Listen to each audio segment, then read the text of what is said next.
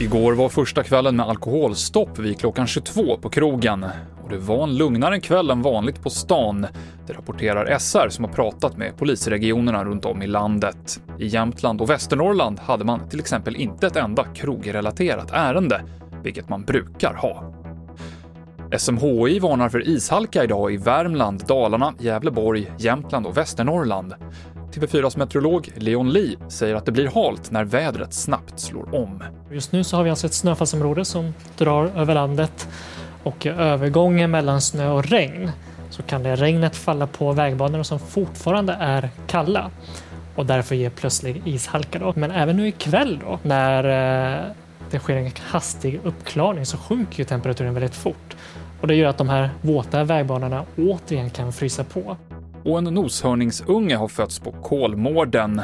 Fredagen den 13 november så föddes en hane som vägde 60 kilo och har fått namnet Amadi. Bilder finns på tv4.se. Det här var nyheterna med Mikael Klintevall.